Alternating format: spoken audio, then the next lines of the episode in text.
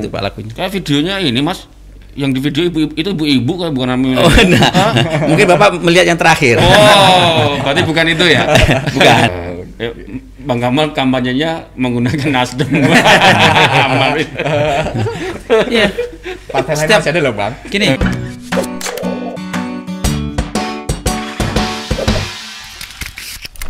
Selamat malam Tribuners. Aduh mati. Oh hidup. Eh, ketemu Udah lagi. live, udah live. Udah live. Agak mic-nya agak-agak gini. Eh, Oke, bukan aman. udah live, kita udah agak terlambat. Nah, kayaknya apa eh, relawan luar biasa dan relawan Udah nggak sabar. Iya. Udah nggak sabar. ramah ini apa? Sudah menunggu- menunggu-nunggu nih. Eh, Jadi enggak, jadi enggak. ya. Oke, malam ini kita kedatangan tamu spesial Mm-mm. yang mau kita gojlok enggak sih? Kita ajak ngomong. Ya, kita ngobrol santai Ngobrol lah. santai. Ini kan belum belum masa kampanye loh, Mas. belum, belum, belum. Jadi bisa ya paling enggak gelitik-gelitik lah. Hmm. Oke. Nah, ah, itu ada Pak Kamaludin. Halo Bang. Siap. Hmm. Bang Selamat Kamaludin. malam. Pak tim ses Pak Rudi Amsakar. Ketua tim ses ya. Iya. Ketua tim. Ketua tim pemenangan ya. Tim Kamal ya. Ya. Bang Kamal. Mm-mm. Yang Dan- satu Mas Purwanto, kedua Purwanto. kalinya ini. Ketemu lagi kita, Bang. Ketemu lagi kita. Ketemu lagi. Kayaknya andalannya Pak Lukita nih kayaknya. Kayaknya. Iya, yang selalu dikirim ini. Iya. Wah, Kayak jagoan ini. Iya. Anda juga. Iya. Tapi Mas Pur sama Bang Kamal itu memang semuanya jagoannya masing-masing Iya, ini. iya. Mm-mm, mm-mm. Ini tema Ya. kita apa, Mas? Tema kita mengapa harus memilih ya eh, hashtagnya Batam. Jadi nanti akan ada edisi yang mengapa harus memilih hashtagnya eh, Kepri. Kepri. Jadi habis seperti waktu waktu lalu kan kita undang Mas Pur sama Oh, Mbak Mbak Dewi Dewi. ya dari Mas ini yang besok selanjutnya kita waktu itu kan kita undang dari Tiga pasangan. Sinergi, Sinergi ya. Tiga. Kinsani Hmm, sama Aman ya. Hmm. Kita masuk di sesi mengapa harus memilih karena kita melihatnya gini Bang Kamal izin ya ini mengapa kita ngambil tema ini Mas Pur Eh, kita melihat eh, tingkat partisipasi di Batam itu kan tahun 2000 apa 15, 15. yang 15. pilkada ya kita add onnya pilkada ya pilkada. itu rendah 47,11 persen padahal waktu itu dari 631 Satu, iya. eh, DPT dan di tahun ini kan Lima- DPT-nya 500 turun 500 berapa? gitu loh 500-an. 580 Ya, 587 Ya. ya, 587 persisnya lima- 587 527 pemilih. Dan kemarin sempat eh, beberapa pengamat ada kita undang juga akademisi kemungkinan apalagi gara-gara pandemi Mm-mm. eh, katanya ya ya. katanya akan eh, Makin apa turun, makin turun tingkat partisipasi gitu terus Perludem belum lama kemarin di beberapa artikel di media itu mengatakan eh, apa pandemi terus rendahnya partisipasi juga akan menjadi, menjadi ancaman terkait, terkait dengan kecurangan ada ada ancaman kecurangan-kecurangan gitu. Apakah benar kita akan Ya. ngobrol lah Kita ke tanyakan langsung lah. Daripada Ya, rumor-rumor ya kan, jadi rumor, jadi rumor, gosip, yang ini kita tanyakan. ya. Bang Amal Siap. aman Bang Eh, Aman, aman. aman Luar biasa. aman ah, tetap aman dan luar biasa ya itu nah, terus ramah. ramahnya Ramahnya gimana? Bang Kamal ini jualan aman atau jualan ramah nih Kita harus ramah dulu. Iya, iya. Biar aman. ya, Yang penting sinergi dulu lah. ya. betul jadi hari ini kita nggak debat ya kita pastikan nggak ada debat ya debatnya nanti di kayaknya kalau jadi Kompas TV nggak tahu nggak jadinya gimana tuh. Kita jualan Kompas TV karena satu grup ya. Satu grup. gitu ya semoga di Kompas TV kan jadi. Amin. oke eh, melihatnya mungkin dari Mas Pur dulu Mas. Melihatnya terkait dengan partisipasi eh, pemilih, di Batam yang selalu dan cenderung rendah.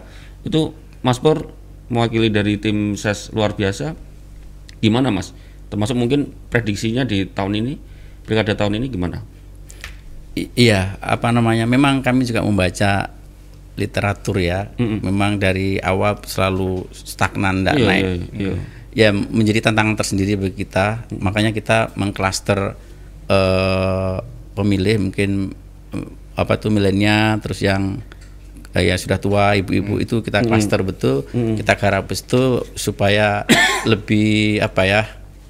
Kita tahu diversifikasinya, akhirnya kita coba eh, cara penanganannya masing-masing jadi supaya tidak bisa juga kita eh, gebiah uyah kita pukul ram- sama itu nggak bisa. Tetap ada pendekatan-pendekatan tersendiri.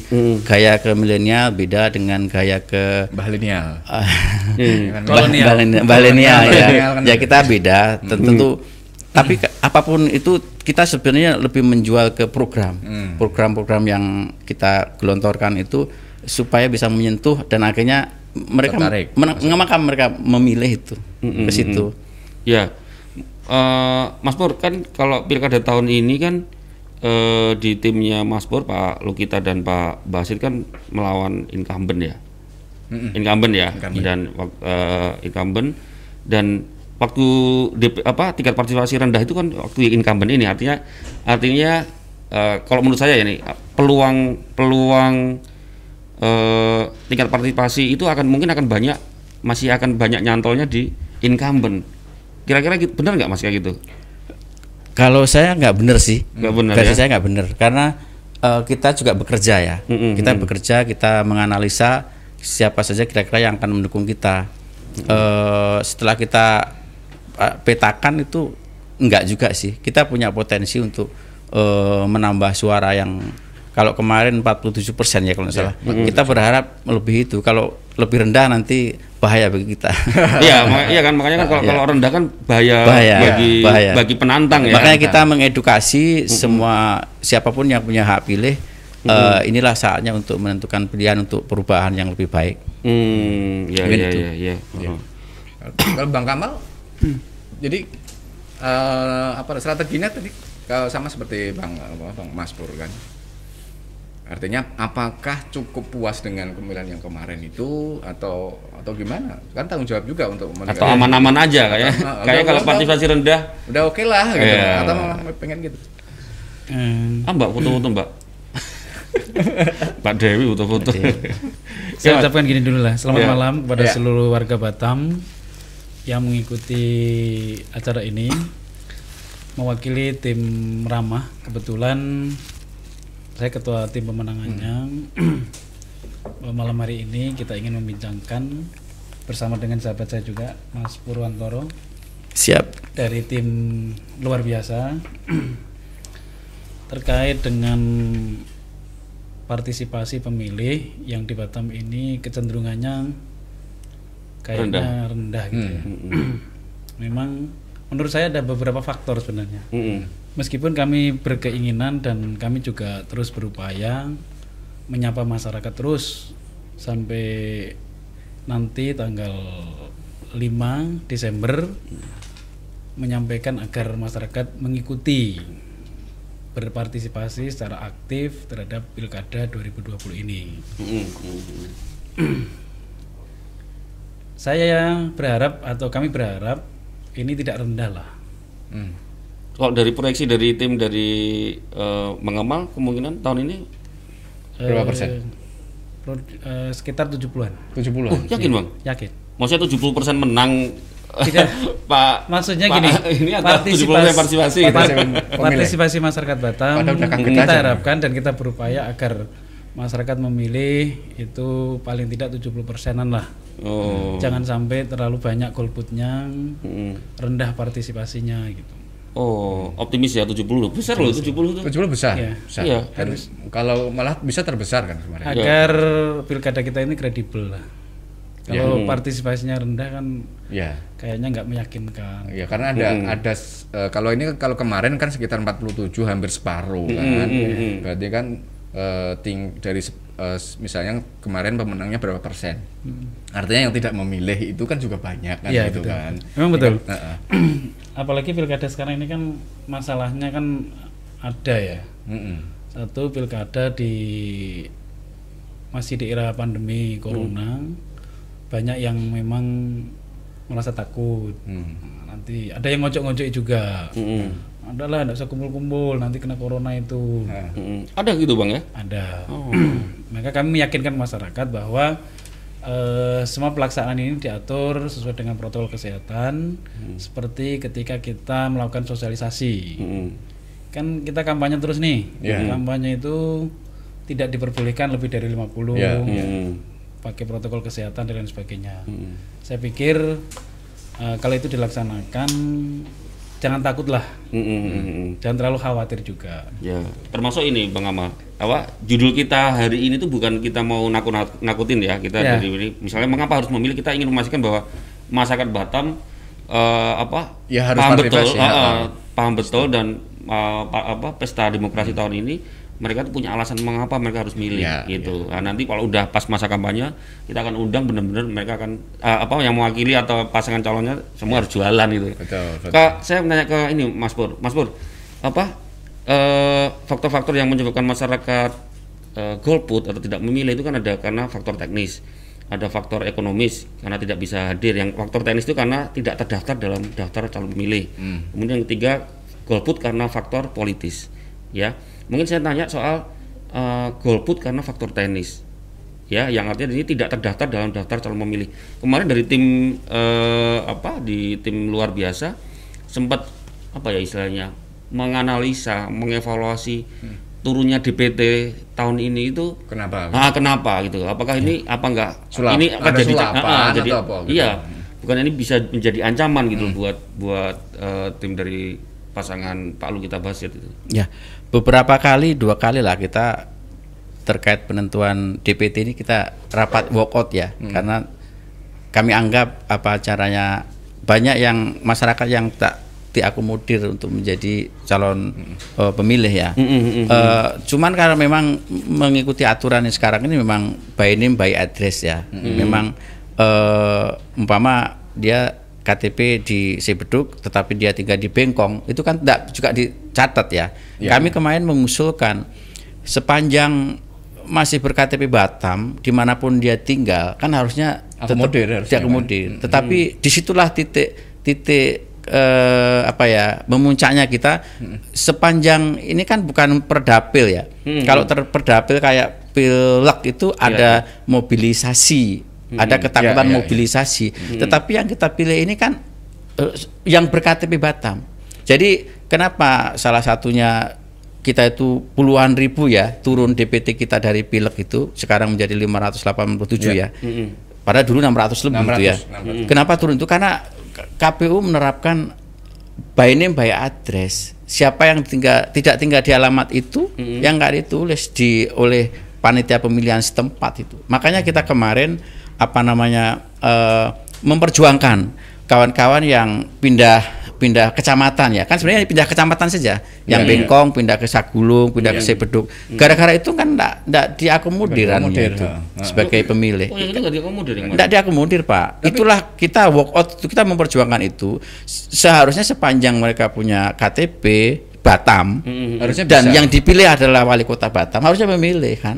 Maka tetapi sekarang tidak pak Oh, kalau dia tidak bukannya- ditinggal di arah situ nggak bisa Bukannya sudah apa? Kemarin kalau nggak salah ya ngobrol-ngobrol ada eh, bisa gitu kan. Ada surat yang bisa tapi kan harus harus yang bersangkutan harus aktif untuk melaporkan Oh. bisa itu bisa tapi harus melapor nah Waduh. itu Soal yang jadi masalah ya inisiatif, Inisiatif untuk ini- lapor inisiatif untuk lapor ini jangankan jangankan inisiatif ya Iya. yang sudah dapat undangan saja terkadang Kadang kita harus umumin di di speaker ya ayo datang ayo datang. Harusnya memang dari semua infrastruktur pemilu itu a- harus merasa oh ya ini harus kita harus bagaimana me- mencari solusi inovasi supaya semua datang dan tingkat partisipasi tinggi. Kalau sekarang kan enggak pak. Makanya kami ini pak dari tim kami selalu ribut pak karena ribut rendah itu merasa dirugikan atau Sebenarnya atau yang gimana? dirugikan tidak hanya kami ya, termasuk mungkin sebelah Oh, iya. uh, pasangan ramah juga mungkin dirugikan karena mungkin ada yang seharusnya nyoblos tapi tidak bisa. Ya akhirnya kembali ke tim masing-masing memberikan pemahaman kepada calon pemilih. Ayo kita uh, apa namanya melapor ke uh, apa tuh ke tingkat kelurahan supaya kita didaftar sebagai calon pemilih. Ya, upaya Bang Kamal dari tim Bang Kamal gimana? Eh, sama juga. Kemarin pada waktu penetapan DPT itu kan kita protes juga. Kita walk out juga. Sama-sama Kamal? Iya. Sama-sama. Oh, oke. Karena itu tadi sangat sulit sehingga gimana ya caranya agar itu bisa diakomodir karena kita mengantisipasi rendahnya itu secara teknis tidak bisa by By name and address by name, by address itu gitu. Mm-mm. Tapi KPU tidak bisa memberi kepastian. Waduh. Hanya memberi solusi bahwa nanti ada dua setengah dua koma lima persen gitu ya. Itu kan sedikit sekali lah Pak. dua itu. lima persen Cadangan. dan itu Cadangan. cadangan, dan itu dilakukan setelah jam 12 Jadi setelah selesai ya kan? Setelah selesai. baru gitu. Hmm. Ini menurut saya eh, perbedaan penafsiran menurut saya. Hmm. Eh, penafsiran yang kami pakai adalah sepanjang mereka itu berKTP Batam, toh objek yang dipilih adalah orang Batam, di situ tidak ada mobilisasi. Kalau kemarin tuh di dipilah-pilah itu karena ditakutkan ada mobilisasi dari dapil ini setelah milih nanti di dimobilisasi ke dapil lain. Jadi supaya bisa me- me- Ini- men- mencoblos dua kali. beda penafsiran ini ke KPU Oh. atau ke kami nih KPU, KPU, Ini ke kalau KPU. Mas, Mas karena KPU. Enggak, saya ke karena, KPU. karena sama gitu kami juga protes itu kami inginnya semua warga yang berKTP Batam eh, masuk ke DPT gitu.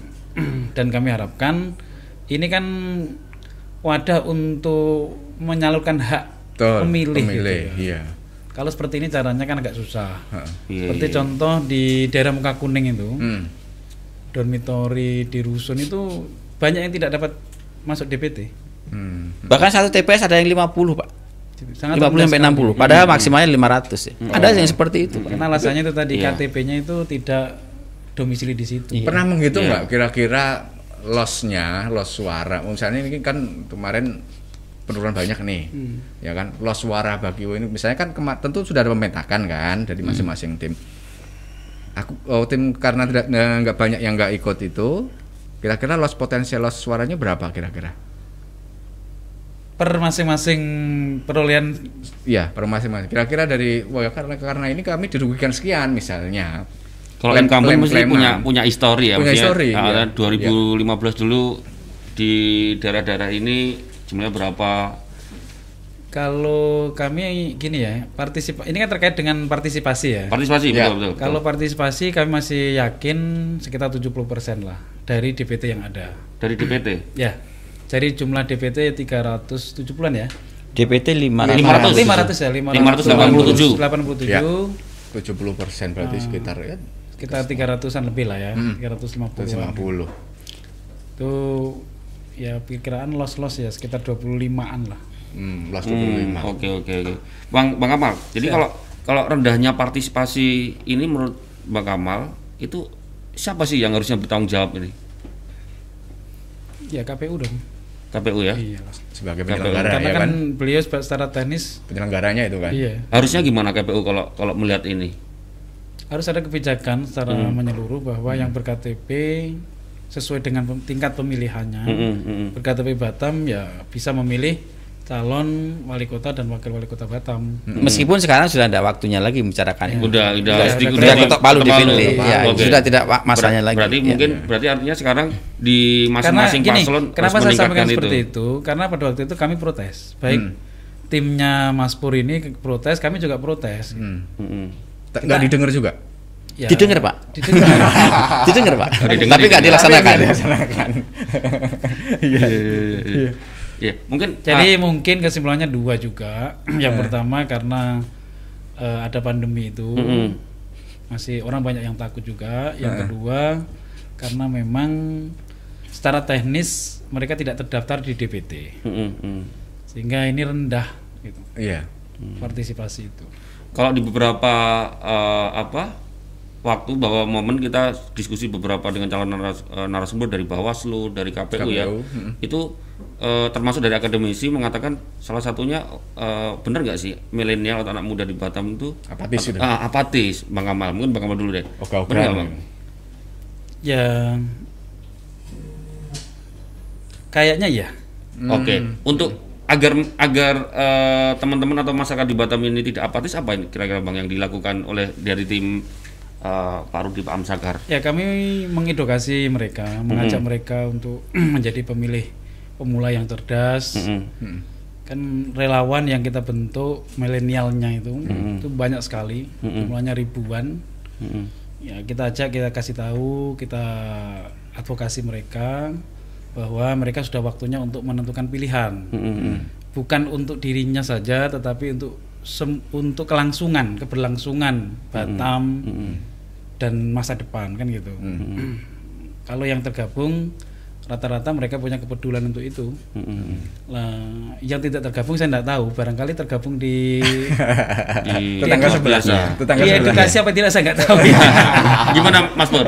Ini Apa kayak- yang dilakukan kalau di Tapi tapi kalau milenial gayanya sudah milenial loh, Mas. Iya, Iya. aku udah mempersiapkan Iya, ini. mak- makanya beda. Iya, iya, beda. Yang, yang edisi pertama sama hari beda. Heeh. Iya. Dulu Mbah Lenial. Ya, sebenarnya enggak usah ditanya kenapa Enggak karena ta- karena tahu lawan apa teman lawan ngobrolnya Iya. Bang Kamal. Sudah tua. isinya isinya tua luar. Kalau- muda. kalau- Kamal tuh muda. Kalau kami lebih fokus milenial itu supaya dia tetap ikut berpartisipasi ya kami persiapkan program unggulan lah ya. Hmm. Salah satunya seperti co-working atau apa itu yang sudah kita persiapkan untuk milenial. Tapi saya setuju dengan Mas Kamal eh, bahwa mi- milenial harus harus eh, sadar, Sadar, bahwa ya.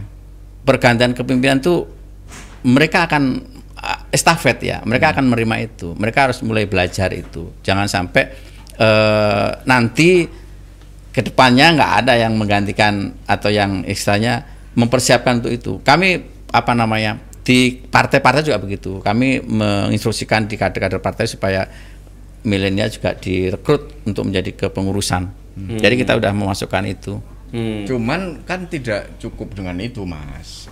Artinya kan eh, ada pandangan juga milenial misalnya tim ini sebenarnya eh, paslonnya milenial enggak gitu. Milenial dalam artian gayanya. Nah, Eh, kira-kira saya gaya saya udah milenial paslonnya, Oh, Mas. iya. Paslonnya. Kan masyarakat nggak nyilih nggak milih Mas Pur ya. Paslon. nah, Tapi saya mengkampanyekan milenial. itu ada nggak misalnya dari tim pemenangan ini Pak pakai baju ini dong, pakai ini gaya gini gitu. saya eh, kalau milenial itu dalam definisi saya tidak ke arah atributif yang sifatnya Ah. yang ah, tapi pemikiran lah ya. Pemikiran. milenial.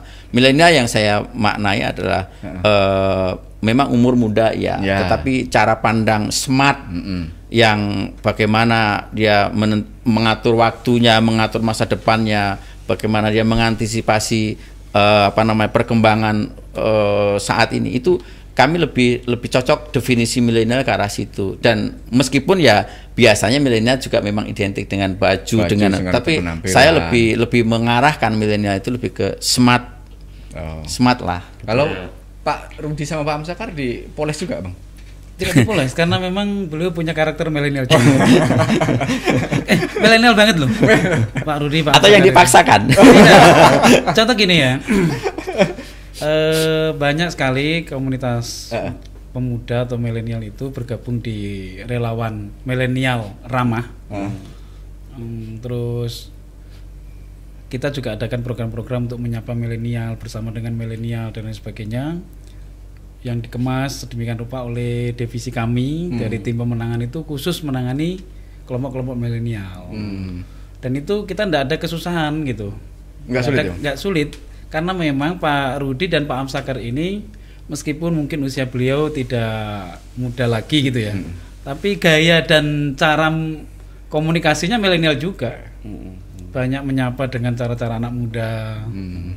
Pakai puisi, pakai pantun dan macam-macam lah. Hmm. Intinya kami yakin juga bahwa anak-anak muda sekarang yang di Batam ini ya itu sudah pada mulai ngerti lah, sudah mulai melek politik, eh, banyak partisipasi yang akan mereka lakukan untuk menata masa depan di Batam ini, khususnya di bidang politik gitu. Berapa persen ya, Bang? Suara milenial sekarang berapa persen kira-kira? Sekitar 22, 22. 22 persen.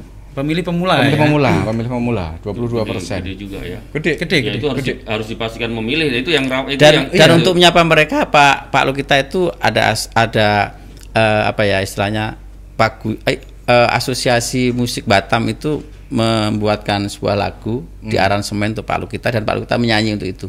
Hmm. kita udah luncurkan untuk menyapa milenial itu ya kita gaya milenial kita keluarkan lagu Pak. Jadi kawan-kawan yang milenial bisa eh, men-searching lagunya Pak Lukita itu lu kita bisa Pak. Bagus banget itu Pak lagunya. Kayak videonya ini Mas yang di video ibu itu ibu-ibu kan bukan namanya Oh, nah, mungkin Bapak melihat yang terakhir. Oh, berarti bukan itu ya?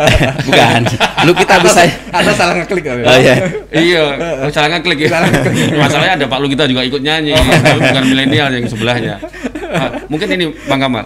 Eh, Bang Kamal tadi kan Mas Mas Pur sampaikan eh, ya tahun ini eh, apa saatnya untuk estafet ya. Tapi menurut saya itu urusannya tanggal 9 nanti. Gitu. Saya ingin mastiin ini. Eh apa? Mungkin dari dari Bang Kamal, mengapa sih kembali lagi soal tingkat partisipasi. Mengapa masyarakat Batam tanggal 9 besok harus memilih? Ya, Harus ke ke TPS. Mungkin TPS. ini minta statement quote Iya. quote lah dari Bang Kamal. kita di Indonesia ini tentu punya kewajiban, punya hak yang sama. Bagaimana kita membuat satu peradaban penataan yang baik, dimulai dengan memilih pemimpin yang bisa diharapkan untuk masa depan, sehingga hal hak itu, kewajiban itu, mari kita tunaikan bersama. Kalau tidak berarti kita menyanyikan menyanyikan kesempatan bagus ini kita tidak merasa memiliki gitu. Lah itu yang kita harapkan. Janganlah kita menganggap pilkada memilih pemimpin ini dianggap biasa-biasa saja. Ini harus kita anggap penting, penting bagian dari hidup kita bahwa agar kemajuan kesejahteraan itu bisa kita rasakan melalui aturan-aturan yang kita ciptakan bersama di Indonesia ini, termasuk pemilihan di era demokrasi itu. Oke. Saya pikir itu. Aman ya? Audionya udah direkam ya? Nah, sekarang gantian Mas Pur. Mas Pur. Iya. Mengapa masyarakat Batam harus memilih tanggal 9 besok? Ya, begini, saya memberikan analogi saja. Eh, sebenarnya semua orang ingin memilih, tetapi manakala pilihannya nggak ada, akhirnya nggak memilih. Tapi khusus tanggal 9 Desember nanti, pilihan itu ada, Pak. Kami persilakan datang, pilihlah. Nggak boleh. Enggak boleh ya. Pilihlah. Lah kan saya pilihlah kan. Pilihlah. Pilih- Ada pilihan. Ya. Kan pilihannya hanya dua ya. Eh, program yang kami tawarkan itu memang layak untuk di katanya pilih. Programnya. ya, oke. Mm-mm. Terkait dengan tadi eh, milenial tadi saya ingin memperkuat dan itu untuk memperkuat eh, statement saya kenapa harus memilih di Kanpora itu kalau nggak salah Apa Mas Kanpora? Kanpora ya Apa Kanpora Mas? ya masih Kanpora kantor pemuda dan olahraga Oh, iya. iya. itu anggarannya kecil banget Ah. padahal di situlah pintu masuk untuk mengembangkan bakat-bakat anak muda jadi eh, memakai bahasa milenial juga Hmm. nonsen banget lah kalau pro milenial tetapi Kanpora anggarannya kecil. Makanya kita kalau nggak salah 2 miliar atau berapa ya terlalu kecil. Bagaimana bagaimana merekrut eh, bibit-bibit eh, apa ya anak-anak muda untuk mensalur- menyalurkan apa namanya Bakat. eh, bakatnya? Kalau kita se- sebagai orang tua anggap aja ya pemimpin orang tua ndak ndak anu Pak ndak memberikan apa namanya Porsi ya? porsi. makanya eh, Kanpora harus ditingkatkan anggarannya karena memang betul-betul ya kita apa nama intent ke milenial itu makanya kawan-kawan milenial kami akan meningkatkan porsi anggaran itu untuk eh, apa nama me- me- mendorong bakat-bakat mereka itu supaya lebih berkembang. Anu, Pak Pak Lu kita Pak Basit memang fokus ke milenial Mas tahun ini Mas. Di- sebenarnya fokus semua ya, Se- mas seluruh masyarakat Batam lah. Oh, enggak kayak kayak enggak maksudnya ajakannya tadi kok kayaknya ke milenial. Kalau Bang Kamal kayaknya general banget tuh semua harus milih. Nah, ya. general juga. Eh, kalau Mulai- kita karena mulai dihitung 22 per 22 persen. Ya udah 22 22 persen jatahnya jatah- kita. Yang 80 persen jatahnya Pak. Yang menang menang Pak ini dong. Enggak enggak semoga salah hitungannya. Oke. Eh, Iya iya. Cuman karena ini kan tadi kan ini eh, pandemi segala macamnya. Pandemi pemilihannya relatif ya mungkin karena mungkin 70% ya kan 70% tingkat pemilihan buat kepedaannya. Nah, tentu akan rawan konflik lah, Mas. Konflik konflik. Nah, apalagi sekarang dulu-dulu itu kan wah kalau nggak dikasih cenceman, nggak gini, nggak mau milih. Nah, kira-kira ditemukan lagi nggak? Eh opo cem-cemnya tuh apa? Cem-ceman. Nah, itu si Fajar, si Fajar. Si Fajar, Hmm, Si itu. Fajar. aku kalau aku taunya cem-ceman itu. apa tuh? Hah? per ya enggak enggak enggak ada ada ada ada serangan fajar gitu gitu. Ada nggak? Ada nggak bang? Ke saya ini. Iya. eh kalau bang Kamal tuh jawabnya nggak ada Saya pikir gini, Ya bang Kamal jujur Ba- saya tahu. Bang Batam Kamal. ini Batam ini berbeda ya Hmm. dengan daerah-daerah lain. Iya. Kalau pilkada, terus pileg, pilpres itu tentu eh, kami merasakan Hmm. ada perbedaan untuk kota Batam. Hmm. Kalau mengarah ke money politik Ya. itu ada, Hmm. tapi tidak berpengaruh Hmm. hmm. karena masyarakat Batam ini masyarakat yang pendidikannya termasuk tinggi. Ya. susah untuk terpengaruhi dengan money politik. Gitu. Meskipun mereka tahu bahwa ini ada. Hmm. hmm. Sesuai yang kami analisa itu, yang merasa bahwa di Batam ini adakah money politik ada. Hmm. Itu sekitar 40-an persen. Mm-mm, Pak Yang mengatakan tidak berpengaruh itu 45 persen. Hmm. Ada tapi tidak mempengaruhi Mm-mm. pilihan. Mm-mm. Gitu. Dan itu di segmen-segmen tertentu. gitu. Hmm. Nah, berbeda dengan daerah lain, karena Batam ini pendidikannya cukup menengah ke atas, sehingga hal-hal seperti itu tidak tidak terlalu signifikan Hmm. mempengaruhi atau merubah apa yang menjadi keinginan dia untuk menentukan pilihan. Hmm. Maka saya pikir kalaupun ada ya kita tidak terlalu memusingkan hal tersebut. Gitu. Karena itu pengaruhnya tidak terlalu besar. Hmm. Seperti itu. Iya, Bahwa bahkan kita yang dari tim ramah ini sudah juga melakukan hal-hal yang tidak hanya sekedar analisa, tapi di- melakukan mapping wilayah. Ada beberapa wilayah yang memang harus kita antisipasi Hmm. hmm, bahwa akan ada lah hal-hal yang seperti itu. Hmm. Intinya seperti itu. Kalau Pak Mahfud bilang itu apa money politik itu di setiap pilkada Pasti ada. pasti ada, Pasti ada. pasti ada, Pasti ada, ya. Cuma kalau ada yang katanya Pak Mahfud itu ada yang modelnya borongan Ah. itu dari proses mau pencalonan itu beli mahar, pakai mahar Dari itu. awal gitu Ah, kan? itu terus yang sisanya ketengan. Itu Iya. itu bahasanya Pak Ma, apa Mahfud. Pak Mahfud MD, Iya. Men- Menko Polhukam. Iya. Ketengan tuh di akhir. apa? Sedikit-sedikit, Ya, soal satu- ketengannya itu kan satu, bisa iya. ya. Oh kalau Pak Mahfud memborong partai itu mahar ya. Iya. Iya dia sebutin kayak gitu. Eh, Kalau di anu Mas Mas Pur soal Money politik. politik, Batam ini apa ya? Peluangnya. Ah, terus gimana? Tahun ini, ya, tahun ya, ini inilah. secara pandang Pak Amal, maaf, ini ya. saya mau sampaikan ya. Di beberapa eh, forum dan apa beberapa forum Pak Lu kita kan sempat, sempat sampaikan terkait dengan logistik bahkan di pimpinan-pimpinan media waktu itu gitu apakah apakah yang disampaikan Pak Lu kita itu mau mau ngomong bahwa oh saya itu nggak punya duit itu jadi saya nggak nggak Nggak akan bermain money politik gitu gimana, ini gitu. kode atau apa nih mas saya Iya kan? kalau Ini begitu saya media. saya membreakdown omongan Pak Lukita. ya, saya tidak punya duit, saya tidak akan mahal, tidak akan partai, tidak akan money politik lah.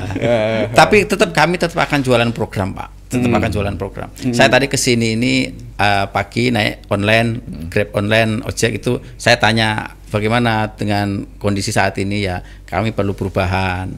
Dari sebelum ke sini saya beli apa tuh kelapa di situ saya tanya bapak-bapak kelapa menjual kelapa ya saya ingin perubahan pak. Jadi kode perubahan itu tinggi pak. Atau jangan-jangan teman Mas Di- sendiri. ini, ini versinya Mas Versi Mas sendiri. Enggak lah. ya nggak apa-apa boleh Iya. boleh lah ini Justru gini, kalau bicara perubahan, justru kami yang harus klaim. Wah, Nah, gimana? silakan silakan Bang Kamal Kami adalah Partai Nasdem yang slogannya adalah restorasi perubahan. Hmm. Iya. Merubah untuk lebih baik. Oh. Ya, ya, Bang Kamal kampanyenya menggunakan Nasdem. Kamal. Iya. Partai lain Setiap- masih ada loh bang. Gini, setiap waktu, setiap saat Heeh. kita harus selalu mengadakan perubahan karena Iya. perubahan itu sesuatu hal yang pasti akan terjadi. Jangan dianggap bahwa petahana itu tidak berubah. Itu pasti salah dong. Hmm, hmm. Terus yang tidak petahana pasti akan merubah belum tentu. Bagaimana dia bisa membuktikan itu? Iya. Kenyataannya kan belum. Iya iya iya. Jadi artinya perubahan itu akan diusung oleh seluruh paslon. Tapi ada juga bang omongan ya kalau belum dikasih kesempatan gimana membuktikan kan gitu kan. Nah iya makanya itu. Hmm. Jadi Eh, artinya perubahan ke lebih baik pasti akan diusung oleh seluruh paslon, tidak Ya, hanya ya. di Kota Batam, tapi seluruh Indonesia. Karena apa? Karena perubahan itu pasti akan ada terus Hmm. dan harus terjadi. Hmm. Perubahan untuk lebih baik, lebih baik, lebih baik, lebih baik kan seperti itu. Jadi tidak bisa diklaim oleh satu paslon bahwa ini Akan berubah. bisa merubah, yang lain tidak bisa merubah. Hmm, hmm, hmm. Oh tidak juga dong. saya saya saya lebih mengajak ayo kita berubah bersama-sama Jadi, yang perekonomian yang nyari kerja susah ayo kita berubah bagaimana mencari kerja Eh, susah mudah Saya pikir gini, kembali ke money politik yang di Kota Batam. Kalau dari tim Ramah eh, menyimpulkan bahwa sesuai dengan analis- analisa yang kami lakukan itu ada di Kota Batam. Cuman eh, sesuai dengan hasil yang kita analisa itu tidak signifikan juga. Hmm. Karena itu tadi melihat rata-rata pemilih di Kota Batam itu masyarakat yang berpendidikan menengah ke atas. Sehingga hal-hal yang terkait dengan money politik itu tidak punya pengaruh yang cukup signifikan lah intinya seperti itu. Bang Amal, ini saya ngutip eh, apa apa da- datanya Indonesian Budget Center. Itu mengatakan bahwa dana hibah dalam anggaran pendapatan belanja daerah itu digunakan untuk politik uang. Gitu. Ini kan konteksnya karena eh, yang Pak Rudi kan masih incumbent ya. Kemudian situasi pandemik seperti ini ancaman politik uang berpotensi eh, dari program jaringan pengaman sosial seperti APBD. Nah, waktu itu kan sempat ada di sosmed, di beberapa media ini ya, muncul soal sembako yang Pak Rudi itu kalau dari Oh, yang rame-rame dulu tuh ya. Nah, itu gimana? Mungkin di forum ini Bang Kamal bisa menjelaskan eh, itu kan sempat rame kan di sosmed kan Ya. ada ini gitu. Apakah itu nggak